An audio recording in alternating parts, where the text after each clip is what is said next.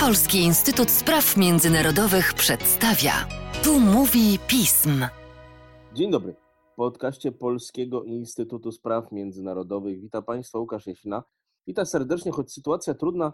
Nie mamy co ukrywać, że ja i mój gość, kłaniam się przy okazji gościowi, to Arek Legieć, nasz specjalista od spraw Kaukazu i Azji Centralnej. Cześć Arku. Dzień dobry Łukaszu, dzień dobry Państwu. Nie będę ukrywał, że z naszym gościem nagrywaliśmy już podcast na ten temat, ale sytuacja w Górskim Karabachu i w Armenii przyspiesza z godziny na godzinę i musieliśmy, proszę Państwa, nagrać go od nowa. Miejmy nadzieję, że on się nie zdezaktualizuje do momentu, kiedy będzie publikowany, ale zacznijmy może rozmowę. Arku, jak wygląda sytuacja w Górskim Karabachu i sytuacja w Armenii? Wczoraj wieczorem doszły do nas y, wieści przełomowe, jeżeli chodzi o konflikt o Górski Karabach, o wojnę o Górski Karabach i w kontekście tej eskalacji, jaka miała tam miejsce pomiędzy siłami ormiańskimi i azerskimi od 27 września tego roku. Otóż zawarto porozumienie, które de facto kończy tą wojnę. Porozumienie, które no, ja bym nazwał takim rosyjskim rozejmem, ponieważ zostało ono podpisane przez prezydenta Azerbejdżanu oraz premiera Armenii pod auspicjami Rosji a nawet myślę, możemy powiedzieć więcej, pod przymusem ze strony Rosji. Ale jak do tego doszło? Otóż sytuacja na froncie zdeterminowała dalszy przebieg wydarzeń, z jakimi mieliśmy do czynienia wczorajszego wieczoru i z jakimi mamy do czynienia obecnie. W ramach prowadzonej ofensywy w Górskim Karabachu przez siły azerbejdżańskie zajęły one do tego czasu około 30% całego terytorium Górskiego Karabachu. Wczoraj oficjalnie dowiedzieliśmy się już również o tym, że Azerowie przejęli kontrolę nad miastem Szusza, przez Ormian nazywanego Szushi. Był to o tyle istotny strategicznie sukces sił azerbejdżańskich, ponieważ kontrola nad Szuszą otwierała niejako drogę azerskim siłom do zajęcia całego terytorium Górskiego Karabachu, do prowadzenia skutecznie ofensywy na reszcie terytoriów, gdzie Ormianie już nie dysponują takimi fortyfikacjami, umocnieniami jak na linii kontaktowej, jak na pasie bezpieczeństwa oddzielającym Górski Karabach od Azerbejdżanu. Ten pas bezpieczeństwa, te wszystkie umocnienia zostały przerwane przez Azerów już jakiś czas temu, szczególnie na południowym odcinku tej, tej linii rozgraniczenia i Azerowie dzień po dniu posuwali się w kierunku Szuszy.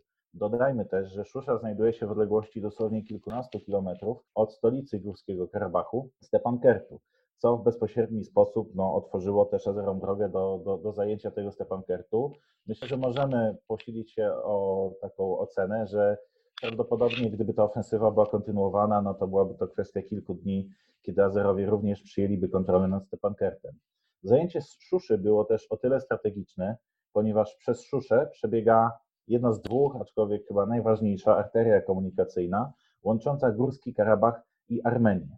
Azerowie przejęli kontrolę ogniową nad tą arterią i jeżeli do tego jeszcze dodamy, że jeszcze wcześniej przejęli również kontrolę ogniową nad drugą arterią na północy Górskiego Karabachu, łączącą Górski Karabach i Armenię, no to y, byliśmy już bardzo bliscy sytuacji, kiedy Górski Karabach zostałby zupełnie odcięty od Armenii, zupełnie odcięty od wszelkiej logistyki wojskowej, no i został skazany po prostu na stopniowe zajmowanie przez siły azerbejdżańskie. Jednakże, jak się okazuje, przez cały czas tego konfliktu działania na froncie to nie było jednak wszystko, co działo się w tym konflikcie, ponieważ przez cały okres tych starć dochodziło do rokowań dyplomatycznych, aczkolwiek, jak się okazało, kluczowe były te rozmowy, które były toczone zakulisowo e, pod auspicjami Rosji, do których wykorzystywano zarówno przedstawicieli jednego i drugiego państwa w Moskwie, ale także na, na innych arenach.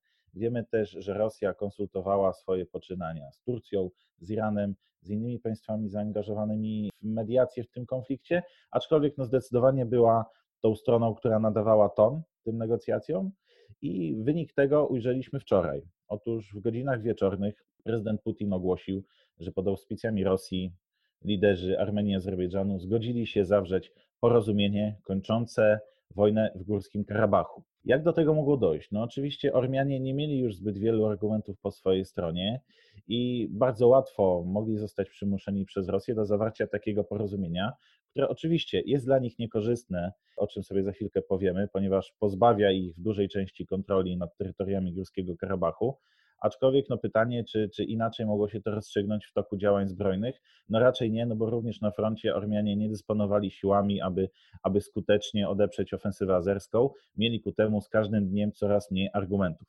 Jeżeli chodzi o Azerbejdżan, no to nie da się logicznie uzasadnić, dlaczego Azerowie mieliby sami z siebie zrezygnować z prowadzonej ofensywy, w której utrzymywali inicjatywę, w której każdego dnia odnotowywali sukcesy i każdego dnia po, posuwali się do przodu. No jednak tutaj włączyła się Rosja i tutaj zagrał ten czynnik, o którym rozmawialiśmy w poprzednich podcastach, a konkretnie to, że dla Rosji trwanie tego konfliktu jest jednym z filarów jej polityki regionalnej i w interesie Rosji nie tyle było interweniowanie w tym konfliktu na jego wcześniejszych etapach, ponieważ wsparcie jednoznaczne sił ormiańskich pozbawiałoby Rosję roli mediatora, która umożliwia jej wpływanie polityczne zarówno na Armenię, jak i na Azerbejdżan. Jednakże w interesie Rosji nie było to, aby dopuścić do zakończenia tego konfliktu. Tak, środkami zbrojnymi, jak i pokojowymi. A więc Rosja, wtrącając się w ten konflikt już tak bardzo bezpośrednio, najprawdopodobniej, zgodnie z informacji, jakie powoli do nas dochodzą, zagroziła Azerbejdżanowi, że jeżeli ten nie zastopuje swojej ofensywy i nie przystąpi do nie tyle do rozmów, co już po prostu do podpisania rosyjskiej propozycji, no to rosyjskie siły zaangażują się zbrojnie przeciwko siłom azerskim w Górskim Karabachu. W międzyczasie jeszcze doszło do istotnego wydarzenia, konkretnie zestrzelenia rosyjskiego śmigłowca Mi-24 w przestrzeni powietrznej Armenii przez Azerbejdżan, do czego Azerbejdżan bardzo szybko się przyznał, bardzo szybko za to przeprosił, bardzo szybko zaproponował, że rodzinom ofiar tego incydentu wypłaci odszkodowania. To pokazało nam jedno, że Azerbejdżan nie jest gotowy i nie chce iść na zwarcie z Rosją, jeżeli jest takie ryzyko. W konsekwencji doszło do zawarcia porozumienia i co następuje na podstawie tego porozumienia? De facto 75% terytoriów Górskiego Karabachu, zarówno tego właściwego Górskiego Karabachu, jak i tego pasa bezpieczeństwa składającego się z tych siedmiu okręgów azerskich, jakie zostały przyłączone przez Ormian do Górskiego Karabachu w wyniku wojny w latach 92-94, 75% tych terytoriów zostaje zwrócone Azerbejdżanowi przez Armenię. Zwrot tych terytoriów dokona się w najbliższych tygodniach i będzie dokonywany pod okiem Rosji, która do Górskiego Karabachu wysyła misję pokojową. Około 2000 swoich żołnierzy z wojsk powietrzno-desantowych, przy okazji trochę zmechanizowanego sprzętu do umożliwiającego kontrolę nad tym terytorium. W konsekwencji 25% tego terytorium zostaje dalej pod kontrolą Armenii. Są to w zasadzie okolice stołecznego w Górskim Karabachu Stepankertu oraz miejscowości Martuni. Jest to naprawdę mało, ile zostaje Ormianom, ponieważ oprócz tych terytoriów pasa bezpieczeństwa, Azerbejdżan zachowuje również kontrolę nad swoimi zdobyczami podczas prowadzonej ofensywy, także na terytorium właściwym Górskiego Karabachu, więc choćby już nad wspomnianą miejscowością Szusza. Gwarantem tego wszystkiego jest Rosja. Gwarantem, Rosja jest również gwarantem tego, że to terytorium, jakie zostaje pod kontrolą Armenii, będzie miało w dalszym ciągu połączenie z terytorium Armenii, właśnie poprzez tą arterię komunikacyjną łączącą ormiańskie miasto Goris ze stolicą Górskiego Karabachu Stepankertem, co ma umożliwić funkcjonowanie Górskiego Karabachu i zamieszkujących je osób. Na pewno warto odnotować, że to porozumienie w jakiś sposób stopuje rozlew krwi, z jakim mieliśmy do czynienia w Górskim Karabachu, zapobiega cierpieniom ludności cywilnej, aczkolwiek nie możemy powiedzieć, że jest to sukces czy strony ormiańskiej, czy strony azerskiej, znaczy na pewno bardziej strony azerskiej niż ormiańskiej, ale jest to przede wszystkim sukces Rosji, która jak się okazało, w efektywny sposób przez cały ten czas, kiedy my wszyscy zastanawialiśmy się, dlaczego Rosja jest pasywna w tym konflikcie, dlaczego Rosja nie ingeruje w wyraźny sposób, Rosja przez cały ten czas prowadziła zakulisowe rozmowy, które doprowadziły do jej dyplomatycznego sukcesu, do, w zasadzie do zakończenia wojny o Górski Karabach. Zgodnie z porozumieniem żołnierze, ci mirotworcy rosyjscy, będą stacjonowali w Górskim Karabachu przez pięć lat i zapewnią przerwanie walk i mają zapobiegać jakiejkolwiek eskalacji w przyszłości pomiędzy Armenią i Azerbejdżanem. Dla Azerbejdżanu jest to sukces cząstkowy, ale zdecydowanie o wiele większy niż można się było spodziewać jeszcze jakiś czas temu, ponieważ no, przyłączają do siebie 75% terytoriów, nad którymi nie mieli dotąd kontroli w Górskim Karabachu. Te terytoria zostaną zasiedlone przez osoby wewnętrznie przesiedlone, których w Azerbejdżanie jest około pół miliona, których też geneza bierze się stąd, że są to osoby przesiedlone wewnętrznie z terytoriów właśnie Górskiego Karabachu w latach 90. Z całą pewnością władze Azerbejdżanu dużo zyskają na, na, na obecnym rozwoju wydarzeń, ponieważ z jednej strony pokazały, że skutecznie przeprowadziły działania zbrojne przeciwko Armianom, skutecznie przyłączyły 75% terytorium, a w zasadzie w ich interpretacji odzyskały swoje terytoria, które zostały im bezprawnie odebrane, to zdecydowanie da oddech rządzącym, to zdecydowanie wzmocni mandat prezydenta Alijewa i to da rządzącym w tych y, trudnych czasach COVID-u no, no, zdecydowanie kilka spokojnych lat na rządzenie, ponieważ sukces w kwestii Górskiego Karabachu będzie w Azerbejdżanie przysłaniał wiele, wiele problemów, z jakimi to państwo się mierzy. Zupełnie inna sytuacja ma obecnie miejsce w Armenii. Wielokrotnie mówiliśmy o tym, że jakikolwiek polityk ormiański, który zgodzi się na jakikolwiek kompromis, na jakiekolwiek ustępstwo wobec strony azerbejdżańskiej, no, będzie postawiony pod bardzo silną presją społeczną, pod bardzo gwałtowną presją społeczną i tak też się dzieje. Tuż po ogłoszeniu przez Paszyniana zawarcia tego porozumienia, które sam Paszynian określił jako bolesne dla narodu armeńskiego, ale jak tłumaczył, było to jedyne możliwe rozwiązanie w tej sytuacji, aby zapobiec rozlewowi krwi i zapobiec jeszcze większym stratom, jakie Armenia mogłaby ponieść. No, to wszystko wywołało natychmiast wystąpienia uliczne. Ludzie, mm, a szczególnie środowiska wpływowe w Armenii, środowiska weteranów wojny o Górski Karabach, natychmiast przeciwstawiły się temu zawartemu porozumieniu, wystąpiły na ulicę i zażądały dymisji Paszyniana. Dodajmy, że Paszynian prowadząc przez ostatnie dwa lata swoich rządów niejako wojnę polityczną z przedstawicielami klanu karabachskiego, który rządził Armenią przez poprzednie 20 lat, przysporzył sobie na tyle wrogów, którzy tylko czekali na taką sytuację, w której Paszynian będzie osłabiony, w której będzie pobijany i kiedy Paszyniana będzie można odsunąć od władzy.